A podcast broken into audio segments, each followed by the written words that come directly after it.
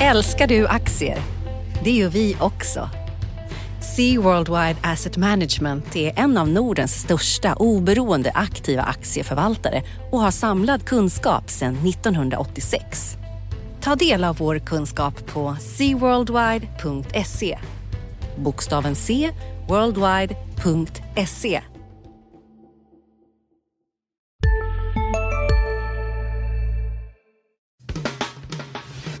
Analyspodden från Dagens Industri. Hej och välkomna till veckans analyspodd. Jag heter Rickard Bråse och med mig har jag Magnus Dagel. Hur är det Magnus? Det är mycket bra. Det man kan säga att det är Magnus och Bråse som poddar igen, eller hur? Eller så kan vi säga att bolagen på börsen får göra sig redo att bli bråsade och daglade. Ja. Vi får se hur det här ska gå. Vi har ett eh, ganska digert... Vad innebär det egentligen Eh. att bli bråsad? Jag har inte riktigt fattat det. Jag tror att det är, att det är någonting dåligt. Jaha. Jag tror att innebörden av det är när någon säger som det är om en aktie och att aktien då eh, reagerar negativt på att man säger som det är. Ja, och det blir vi lite vana vid, eller hur? Ja, men det är, det är viktigt att man säger som det är, tycker jag. Det är så jag Ja. har blivit uppfostrad, så att det är Ja. det jag försöker att göra. Det tycker vi om. Vad har du haft för dig i veckan? Ja, min vecka har handlat mycket om bilar och elbilar som jag har skrivit om. Dels eh, Garo, veckans aktie, eh, som jag tycker är väldigt spännande och eh, som gynnas av den kommande elbilsrevolutionen tror jag. De har en väldigt stark marknadsandel inom elbilsladdare, eh, ungefär 50 procent marknadsandel i, i Norden som jag tycker är spännande. Det är en rätt liten del av bolaget nu, 14 procent av försäljningen, men växer väldigt kraftigt och det, det finns ju chans till exponentiell utveckling här tror jag om, om elbilsmarknaden verkligen tar fart där de kommande åren då. Och teknikskiften brukar ju aldrig gå sakta utan det går ju allt på samma gång med ketchup-effekten där. Så det är spännande. Men den stora delen av Garu är ju fortfarande elprodukter av olika slag. Eh, elskåp, eh, centraler och liknande som man sätter in i bland annat nyproduktion eh, av bostäder och gynnas ju väldigt mycket av den starka nyproduktionstrenden som är nu. Så det tycker jag är spännande.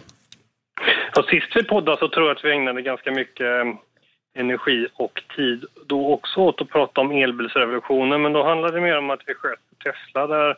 Mm. Det var väl i samband med att, att, att, att bolagsvärdet det gick om eh, traditionella konkurrenter eller hur det nu var. Eh, Vi var väl ganska överens om att värderingen var hög och, och att det, men att, att den är helt rätt i, i trenden och att det finns så få uppenbara saker som man så enkelt kan skjuta på som den och att det bidrar till att värderingen har dragit iväg. Men här har du hittat någonting som man kan spela på samma tema fast eh, till en billigare prislapp. Men det jag undrar lite med det här med GAR, vad är det som gör att hur ser deras vallgrav ut? är väl frågan. Vad är det som gör att det är deras laddare som om fem år kommer vara i varmans e- egendom eller hur, hur det nu ser ut? Är det liksom, Ja, har det de är en starkt varumärke eller är det spännande patent? fråga eller är det över liksom prestanda? Eller? Nej, men jag, jag har också frågat mig samma, men eh, de har ju satsat väldigt lite på patent vad jag förstår, utan satsat mera på produktutveckling, kontinuerlig produktutveckling och varumärke och eh, byggt ut distributionskedjorna än att satsa på patent. Eh, så det är väl på det sättet som de tycker att de kan skydda sig och by- bygga sina vallgravar helt enkelt, som jag har förstått det. Så får vi se, men Mm. det kommer säkert, eh, konkurrensen kommer att tillta ohyggligt förmodligen eh, kommande åren om, om elbilar skulle slå igenom ordentligt. Eh, Men, men är det ett frågetecken jag tycker? Om Ja. elbilar kommer slå igenom? Är det inte det känns som att alla nästan verkar vara överens idag om att det är, så det kommer bli. Att om fem år så kommer en elbil kosta lika mycket som en fossildriven bil. Bara att du har en rörelsekostnad på den som blir väsentligt lägre. Så att det finns Mm. liksom ingen, ingen form av konkurrens för det, nackdel liksom. Nej, men så tror jag också faktiskt att eh, alla som har provat en elbil har ju omöjligt, kan ju omöjligt gå tillbaks till en fossilbil. Eh, det, det säger alla som jag har pratat med. Eller det är fullständigt omöjligt. Det är lite som att kasta pantburkarna i sop, soporna. Det gör man bara inte. Eh, och, och elbilar är ju så pass eh, det finns ju så pass många fördelar med elbilar tror jag. Dels att, eh, att man kan tanka dem mycket billigare än på macken och, och att antalet rörliga delar i en elbil bara är 4 av en, en vanlig, eh, vanlig bil. Då.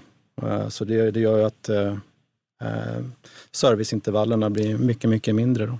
Så det är också mm. en annan fördel. Och där skriver jag faktiskt om i min andra artikel i veckan, där jag också jag kunde inte låta bli att skriva lite om Tesla faktiskt. Börsvärdet har faktiskt gått eh, över BMW nu. 530 miljarder är börsvärdet på Tesla nu. Samma som Ericsson och H&M tillsammans. Så det är eh, spännande. Men där i den artikeln skriver jag om vad ett oljefat används till. Det har jag nämligen funderat mycket på själv och hur användningen ser ut av oljan eh, och om oljeindustrin ska vara oroliga för den här elbilsrevolutionen då. Eh, om de slår igenom. Så det är faktiskt eh, Oljan är faktiskt mycket en transportprodukt. För, faktiskt, eh, framförallt då i USA, där står den för över 80 procent av bensin, diesel och flygfotogen. Då, ungefär 60 procent i Europa. Så eh, kommer det bli en snabb adaptionsnivå av elbilar, då kommer efterfrågan på olja minska. Tror jag. Så får man väl se hur snabbt det går och i vilken gradvis. Om oljan fortsätter ju ändå, efterfrågan fortsätter på olja ändå.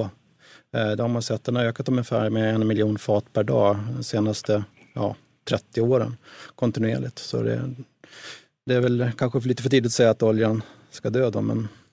Jag, jag har funderat mycket på om oljan är slut som artist. Jag har ju varit ganska haft en lite en inställning som kanske kan uppfattas lite som schizofren, nämligen att skeptisk till oljepriset på kort sikt och tror inte liksom på, på liksom det OPEC håller på med Nej. har någon egentlig verkan längre att de är, alldeles, att de är för svaga och att det mer, mer är av en, en PR eh, en PR-organisation än, än, äh, än en klassisk kartell idag. Ja. Eh, men att effekten har ju varit de senaste, senaste åren när oljepriset har varit på en lägre nivå på fick vänja oss när den låg över 100 där, om backa, backa flera år. Att investeringen har ju bromsat och när det bromsar investeringar så kraftigt som man har gjort så kommer det ju förr eller senare komma till en punkt där utbudet blir trångt, det blir tajt på den sidan och att så jag, jag har ju räknat med liksom, på lite längre sikt eller på medellång sikt att man skulle få, få igen få igen någon form av spik på oljepriset. Ehm, men ju längre det här rullar på med det låga oljepriset och ehm, det blir allt mer uppenbart att OPECs ehm, agerande inte biter.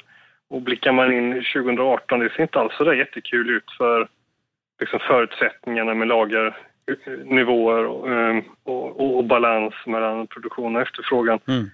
Så, så, snart är vi liksom framme där de här elbilarna kommer att rulla ut eh, i bredare skala. Ja. Men det, så, det så, man... jag, så tror du jag kommer hinna få min, min liksom efterlängtade oljeprisspik eller har vi liksom, är oljan död, som, död och begraven? Ja, jag vet inte, men det, när man läser om det så det är så otroligt komplext och oljepriset styrs av så många olika faktorer på, på sikt. Då. Och man ser ju att eh, att efterfrågan på olja faktiskt ökar. Dels från utvecklingsländerna då, eh, och att transporterna ökar globalt kontinuerligt och eh, att på utvecklingsländerna så får allt fler råd och en bil. Då. Och frågan är hur upptaget blir där av elbilar om man går till en vanlig fossil bil eller om man går till elbil direkt. Det där upptaget vet man inte och det tror jag mycket styr eh, oljepriset, vad som händer de kommande 5-10 åren. Man har ju sett en del riktigt domedagsprofetior där, men det, ja, jag, är inte, jag är inte helt säker på att det blir så. Nej. Men det är väldigt intressant. Men, det, men mycket saker kommer att ändras och det liksom finns dynamiska effekter. Av, du pratade själv om, om, om att um, mindre rörliga delar och så i elbilar. Och jag, för några månader sedan skrev jag om, eh, om Bilia lite på det här temat. Just det. Um, det var den inte bara... aktien har ju det tufft nu. Ja, det, den har inte alls gått eh, så, så värst bra sen vi, sen vi hade den som en säljrekommendation. Ehm, och, och, där, men där är det väl egentligen mer någon form av oro att man fortsätter att se svag bildata i USA. Eh, begagnatpriserna fortsätter att borra sig neråt i maj i USA. Ehm, så det känns lite som att Bilia får stryk, det beror nästan mer tror jag på, på, på någon form av risk, ett riskuppvaknande, att man blir medveten om att eh, försäljningen inte bara kan röra sig norrut utan att det även kan komma motgångar och att man räknar med att det här kanske kommer att komma till Sverige också. För att mm. det senaste vi hörde där i Sverige var väl att, att um, vilken organisation det nu är som sätter de här, om det är Bil Sweden eller ja, det, som skrev upp prognosen för nybilsförsäljningen i Sverige. Så att ja, även, i, ändå... ja, även både i Sverige och Europa har ju varit väldigt stark eh, nybilsförsäljning, måste man ändå säga. Ja. Så det är lite kanske trender från USA som kommer där ändå, sätter sig i Bilia. Mm. Men där har du också en sån effekt att de lever ju inte... Det är en väldigt låg marginaldel.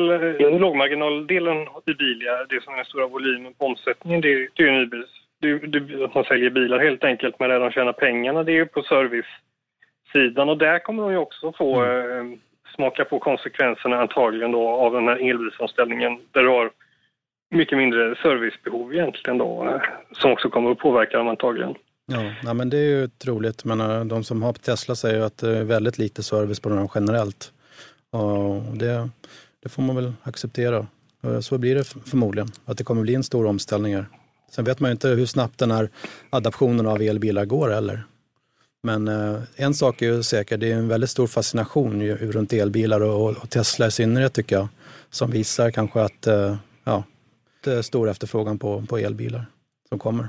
Vi får se, men eh, det är ju stora konsekvenser. För den kanske mest intressanta samhällstrenden tycker jag att följa det, just det, hur elbilarna slår igenom och, och, konsekvenserna på oljepriset. Det får ju som, så långtgående effekter både på privatekonomin, på eh, bilbranschen inte minst och oljebranschen som har enorma investeringar och hur oljepriset påverkar får ju också geopolitiska konsekvenser från eh, bland annat Mellanöstern och ja, stora oljeproducenterna. Eh, mm. Norge, Ryssland, eh, Mellanöstern. Även USA kommer att påverkas i så fall om oljepriset skulle falla kraftigt.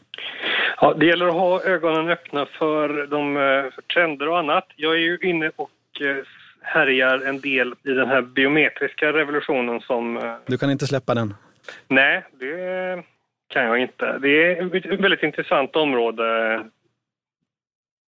som, som verkligen har sitt genombrott nu och det kommer ju ändra ändra eh, hur vi lever våra liv också. Eh, hur man gör bankärenden och betalningar och så här tror jag kommer att eh, ändras på grund av det här. Men nu, idag hade vi ju, eh, eller under um, onsdagen så var det nyheter ifrån det mindre av de två svenska biometribolagen, nämligen Precise Biometrics, som nu sålde sitt ena ben eh, som heter Taktivo. Mm. Där man säljer smartkortsläsare för smartphones och tablets och det riktas framförallt till den typen av verksamheter som där man använder sig av smarta kort för inloggning i IT-system och så, som till exempel sjukvård. Och det här har ju aldrig riktigt tagit någon fart, den här försäljningen av Taktivo-systemen. Och det har varit eh, en kostsam historia helt enkelt för det har varit, eh, varit minusresultat som har tyngt hela verksamheten. Jag, är skept, jag har ju varit skeptisk till Taktivo hela tiden och det är väldigt svårt att se att det skulle finnas någon värde, något värde i det där och jag är fortfarande skeptisk till att någon skulle lyckas få någon form av långsiktig bärighet i, den, i de produkterna när man då har, när biometri integreras överallt så att ja, de kommer att vara helt överflödiga i, i princip. Eh, och nu säljer, eller säljer gör man inte, det är fel ord för att man ger bort den här verksamheten så att nu får du då ett eh, Precise som är renodlat mjukvaruföretag som då sitter på sin algoritm som ju används i väldigt många telefoner men de har ju tappat Sista dagarna nu på vårens stora season sale. Passa på att göra sommarfint hemma, både inne och ute. Och fynda till fantastiska priser. Måndagen den 6 maj avslutar vi med Kvällsöppet i 21. Välkommen till Mio. CSRD. Ännu en förkortning som väcker känslor hos företagare. Men lugn, våra rådgivare här på PWC har koll på det som din verksamhet berörs av. Från hållbarhetslösningar och nya regelverk till affärsutveckling och ansvarsfulla AI-strategier. Välkommen till PWC. Eh, också väldigt mycket. Eh, Fingerprint Cards tog fram en egen algoritm som, som har mm. fått större, större och större spridning. Så vi får se där vad det tar vägen för Precise. Eh, det är också ett sånt här företag, du kan ha en megatrend, du kan vara med, liksom, de har haft ett enormt genombrott. Det är inte bara att de har haft en megatrend med sig utan de har haft eh, dragit nytta av den. De har liksom varit med i produkter som har lanserats med eh, fingerläsare och ändå har man haft så här fruktansvärt svårt att tjäna några pengar. Så att eh, det är ofta svårt det där att hitta bolagen som inte bara klarar av att ha anmält sig till rätt kapplöpningslopp utan inte bara har kommit dit på rätt sorts djur utan även har mm. satt sig på rätt häst som kommer liksom vara mm. de som är, blir de verkliga vinnarna i slutändan. Mm. Så det, mm. det är knepigt det där. Och jag tror fortsatt att om vi ska koppla ihop det till Garo så, så har de faktiskt tjänat pengar och tjänat bra pengar och ökad rörelsemarginal kontinuerligt de senaste åren. Så där, där får man väl ändå säga, om man ska dra några paralleller där, mm. att, att de verkar ha satsat på rätt hästar. Eh, och I och med att lönsamheten har förbättrats kontinuerligt och tillväxten har varit 20 procent i snitt de senaste åren. Och man har verksam ända sedan 30-talet i Sverige. Vad har hänt mer i veckan som du tycker är intressant? Skistar kom ju med rapport också på onsdagen. Den var ju, min första anblick så såg ju siffrorna väldigt, väldigt eh, bra ut. Eh, vinsten var upp eh, 15 procent ungefär i kvartalet jämfört med samma period förra året. Men man är ju i en situation där man har saker att bevisa för att på ett år har ju aktien gått upp ungefär 60 procent så att då krävs det ju mm. någonstans ska, det går inte att andas tunn luft i all evighet utan man måste ju visa pengarna på bordet också. Och när man borrar ner lite där, man behöver inte bara särskilt djupt utan då, en stor del av påslaget kommer ju från eh, deras, vad ska man säga, kalla det för bo, bostadsutvecklingsgren. Eh, det ligger ju i tiden får man säga. Det känns ju som att eh, var och varannan eh, pubägare i Borås och andra städer är idag bostadsutvecklare och köper på sig fastigheter som man då förvandlar till, till bostäder som folk kan köpa. Och det, det har man ju pratat om länge om Skisor att, att, att de har mycket liksom dolda värden i potential på det området och då är det ju ganska naturligt att de i det här läget när bomarknaden brinner och bygg är hetare än på många år, att, att, att de liksom lyckas så beva upp det. Men så att det, inte, det är inte den underliggande skidverksamheten egentligen som, som går så här bra, även om de har väldigt positiva signaler där också med stark, stark um, beläggning inför, inför säsongen som kommer då mm. nästa år, eller nästa säsong och um, de har även aviserat stora livskortsprisökningar så och det är ju den stora delen när de tjänar pengar på, på, på liftkort. Aktien köpare tycker du, eller har den gått klart? Ja, det är också en sån här aktie som jag har gnällt på. Den inkluderas ju i, inkluderas i SPX här i, ehm, i första, från första juni och gick, var ju en sån här aktie som gick väldigt starkt inför den inkluderingen och drevs upp till väldigt höga historiskt höga vinstmultiplar så jag hade ju lite svårt att förstå. Det, det kändes som att aktiekursen hade sprungit ifrån eh, verkligheten lite grann där och den är fortfarande ner ganska mycket sen den där men inte tillräckligt mycket. Jag tror att eh, Skistar, det finns, finns, kommer finnas bättre hästar än Skistar att sätta sina pengar på om man har ett femårsperspektiv tror jag. Mm. Jag skulle bli mycket, mycket förvånad om den, om den eh, har en bra avkastning sett över fem, de kommande fem åren mm. härifrån. En annan grej som har hänt i veckan som inte kanske fick så stort genomslag, det var ju det här eh, um, nytt eh, bolagsskatteförslag uh, som Magdalena Andersson presenterade. Det där kan ju vara bra för börsen på sikt om de sänker bolagsskatten till 20 procent, allt annat lika. Men inte minst borde ju bankerna gynnas av det, få en liten ytterligare skatteminskning där. Men uh, den, det man såg det var väl att fastighetsaktierna gick ner lite grann den, den dagen den presenterades där. Men eh, inte så, så mycket ändå. Det mesta tyder väl på att de börsnoterade fastighetsbolagen inte påverkas så mycket ändå. Jag gjorde en liten snabb kalkyl på det här och vad jag kunde bedöma så var det ingen som påverkade speciellt mycket av den i och med att de har hyggligt låg belåningsgrad och att räntekostnaderna är låga nu i förhållande till rörelsevinsterna. Men skulle eh, räntan gå upp på sikt, då kommer det bli definitivt tuffare och man får betala mer bolagsskatt. Eh, men det kanske är mer riktat till de här bolagen som är högt belånade, både fastighetsbolag och andra bolag. Och det kan väl kännas rätt rimligt ändå. Tycker jag. Ja, det finns ju alltså hela traditionen i, i vår del av världen är ju på något sätt, eller har ju varit att man beskattar eget kapital och subventionerar lånat. Drar man liksom fulla konsekvenserna av ett sådant system så eh, blir det ju inte starka balansräkningar man, man, man slutar med. Så jag, jag har lite svårt att bli eh, överdrivet upprörd över, över, just, över det kanske. Nej, inte jag heller. Jag kan tycka det är lite vettigt faktiskt på något sätt. Ja. Mm. Jag har ju diskuterat skatt för fastigheter tidigare. Ja. Det går att få, du kan få igång mig om du skulle vilja reta upp mig. Det pratas alltid om att de aldrig betalar någon skatt, fastighetsbolagen, och att, eh, att, eh, det har diskuterats det här med vid försäljning att man kommer eh, att få, få skatta vid försäljningar även om man paketerar det i bolag då, som man alltid gör när man, när man gör fastighetstransaktioner.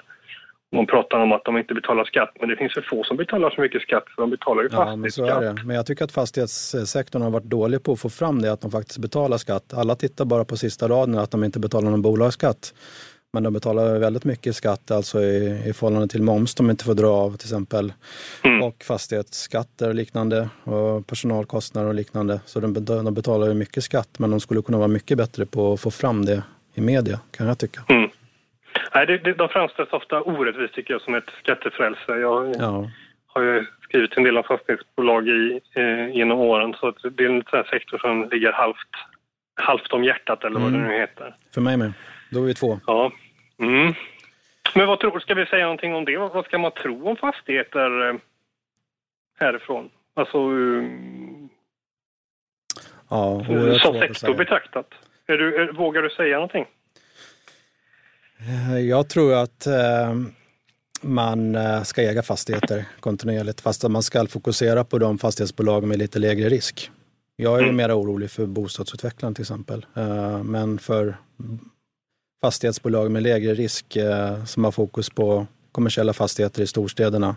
Wallenstam, Castellum, liknande. Huvudstaden, Fabege. Jag är inte lika orolig över. Men jag tror den, den här snabba uppgången som har varit de senaste tio åren, den, man får ställa ner avkastningsförväntningarna helt enkelt, tror jag. Det kommer inte bli alls bli lättare. Det är ju svårt, man måste ju bli, försöka bli lite ödmjuk ibland och det, det bästa sättet som jag försöker att jobba med det för egen räkning, det, det är att ta fram en eh, liksom, räntorna på eh, svenska statsobligationer liksom från 90-talet och framåt. Och då, det är en, en övning som, som man um, mm. kan göra för att bli lite mer ödmjuk i förhållande till, till uh, fastighetsaktiers utveckling under den här perioden. Men jag tror ändå någonstans så, så tar ju den där vägen slut som är mm. in i minuslandskapet även om det inte fortsätter ner så tror jag att det finns en framtid för fastighetsaktier för att du... Jag tror att vi kommer vara fast i någon form av lågräntemiljö mycket, mycket, mycket längre än vad många, mm. än vad många tror. Och då kommer de ju fortsätta gynnas, eller hur? Och, de kommer fortsätta och liksom... De kommer överprestera mot liksom... Eh, eh, mot, mot, mot eh, ränteinstrument eller vad man ska kalla det mm. för. Mm. för det finns liksom, det, det, det, det, har fin avkastning i många fastighetsbolag fortfarande idag. Mm. Men man måste vara eh, varsam tror jag. Man behöver inte hoppa på liksom de här i takt med att, att liksom man tvingas längre ut på liksom, jakten på risk så, så, finns det idag fastighetsbolag som jag aldrig skulle rekommendera någon att befatta sig med. Och det mm. fanns egentligen inte om du bara om du backar fem år, skulle jag säga, Nej, på Stockholmsbörsen. Så är det. Samma sak eh. ser man med preferensaktier. Att det har blivit allt fler bolag som emitterar dem. Så man måste vara försiktig vad man investerar i och fokusera på fastighetsbolag med, med, med lägre risk, tycker jag. Ska vi titta lite på nästa vecka också? Eh, vad blir viktigast då, tycker du? Huvudnumret måste väl vara H&M's rapport som ja. kommer på, eh, på torsdag skulle jag säga. Det, det är ju inte längre börsens Tror du det blir en ytterligare svag rapport och att aktien går under 200 spänn? Ja, det tror jag. Alltså, skulle jag hållit på att liksom sitta och handla på dagarna med så hade jag nog haft min spelplan eller spelidé klar. Att jag tror att den här kommer, alltså rapporten kommer ju vara svag. Allting annat kommer vara väldigt överraskande. Man gick in i kvartalet med ett eh, jättelager man sa i samband med förra kvartalsrapporten att, att man måste ha bra försäljning i april och maj annars kommer det här stora laget bli ett bekymmer och nu var ju var det väl här veckan och det var förra veckan som majsiffran kom och den var ju inte till belåtenhet. Det var den svagaste majmånaden sedan 2009. Så att, ehm, så att det ser märkt ut inför den här rapporten utan det kommer nog både vara, det kommer liksom vara svag ehm, försäljning, det vet vi ju, men det kommer ju även vara då Press på marginalen. Fortsatt, mm. fortsatt tungt på bruttomarginal och det kommer vara antagligen då ett uh, svällande lager och en sinande kassa. Så att, mm. Samtidigt har ju kursen gått väldigt svagt inför här. Så... Ja, absolut. Så jag skulle komma fram till mitt, mitt ändlösa resonemang här det var ju då att jag tror att även om det kommer att bli en, en kan bli ytterligare en väldigt röd dag för H&M på börsen så tror jag att någonstans kommer ju den här studsen. Alla, det finns många sätt att, att slå de här kattorna som, som med jämna mellanrum studsar på börsen och eh, jag tror att det kan bli så här moment där du får en kass rapport, svag rapportreaktion men att det kanske är ett sånt här läge där, där den kommer att vända. Mm. Eh, det är lite så jag ser på det, även om jag inte... Jag har svårt att vara jättepositiv till H&M på, på lång sikt, men, men jag tror att det, det bör kunna vara ett sånt här läge när ingen tro, tror... Alltså, vem tror idag på, på, på den här aktien? Det är ju i princip eh, huvudägaren själv bara, verkar det som. Så, mm. Ja, I de lägena så brukar man kunna få eh, uppgångar på, på lugnande ord.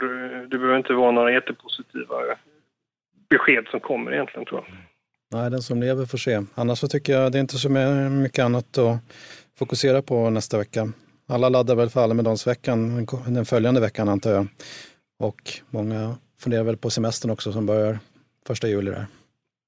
Ja, och sen är det inte långt kvar till eh, nästa rapport. Äh, rapporterna igen ja. drar igång. Vecka 29 är ju en vecka som man ska äh, hålla sig på jobbet och sitta framför sina skärmar för då brakar det lös. Jag, tror, jag upplever, jag vet inte om man håller på att bli man blir tröttare med åren eller vad det är, eller mer lättimponerad.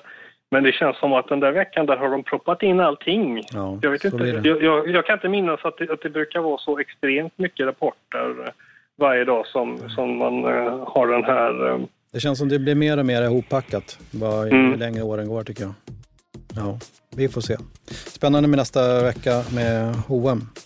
Då tackar vi för oss den här veckan och önskar glad midsommar. Adios. Analyspodden från Dagens Industri. Podden redigerades av Umami Produktion. Ansvarig utgivare Lotta Edling.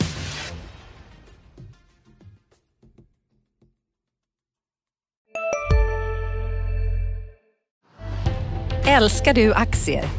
Det gör vi också. Sea Worldwide Asset Management är en av Nordens största oberoende aktiva aktieförvaltare och har samlad kunskap sedan 1986. Ta del av vår kunskap på seaworldwide.se. Bokstaven C, worldwide.se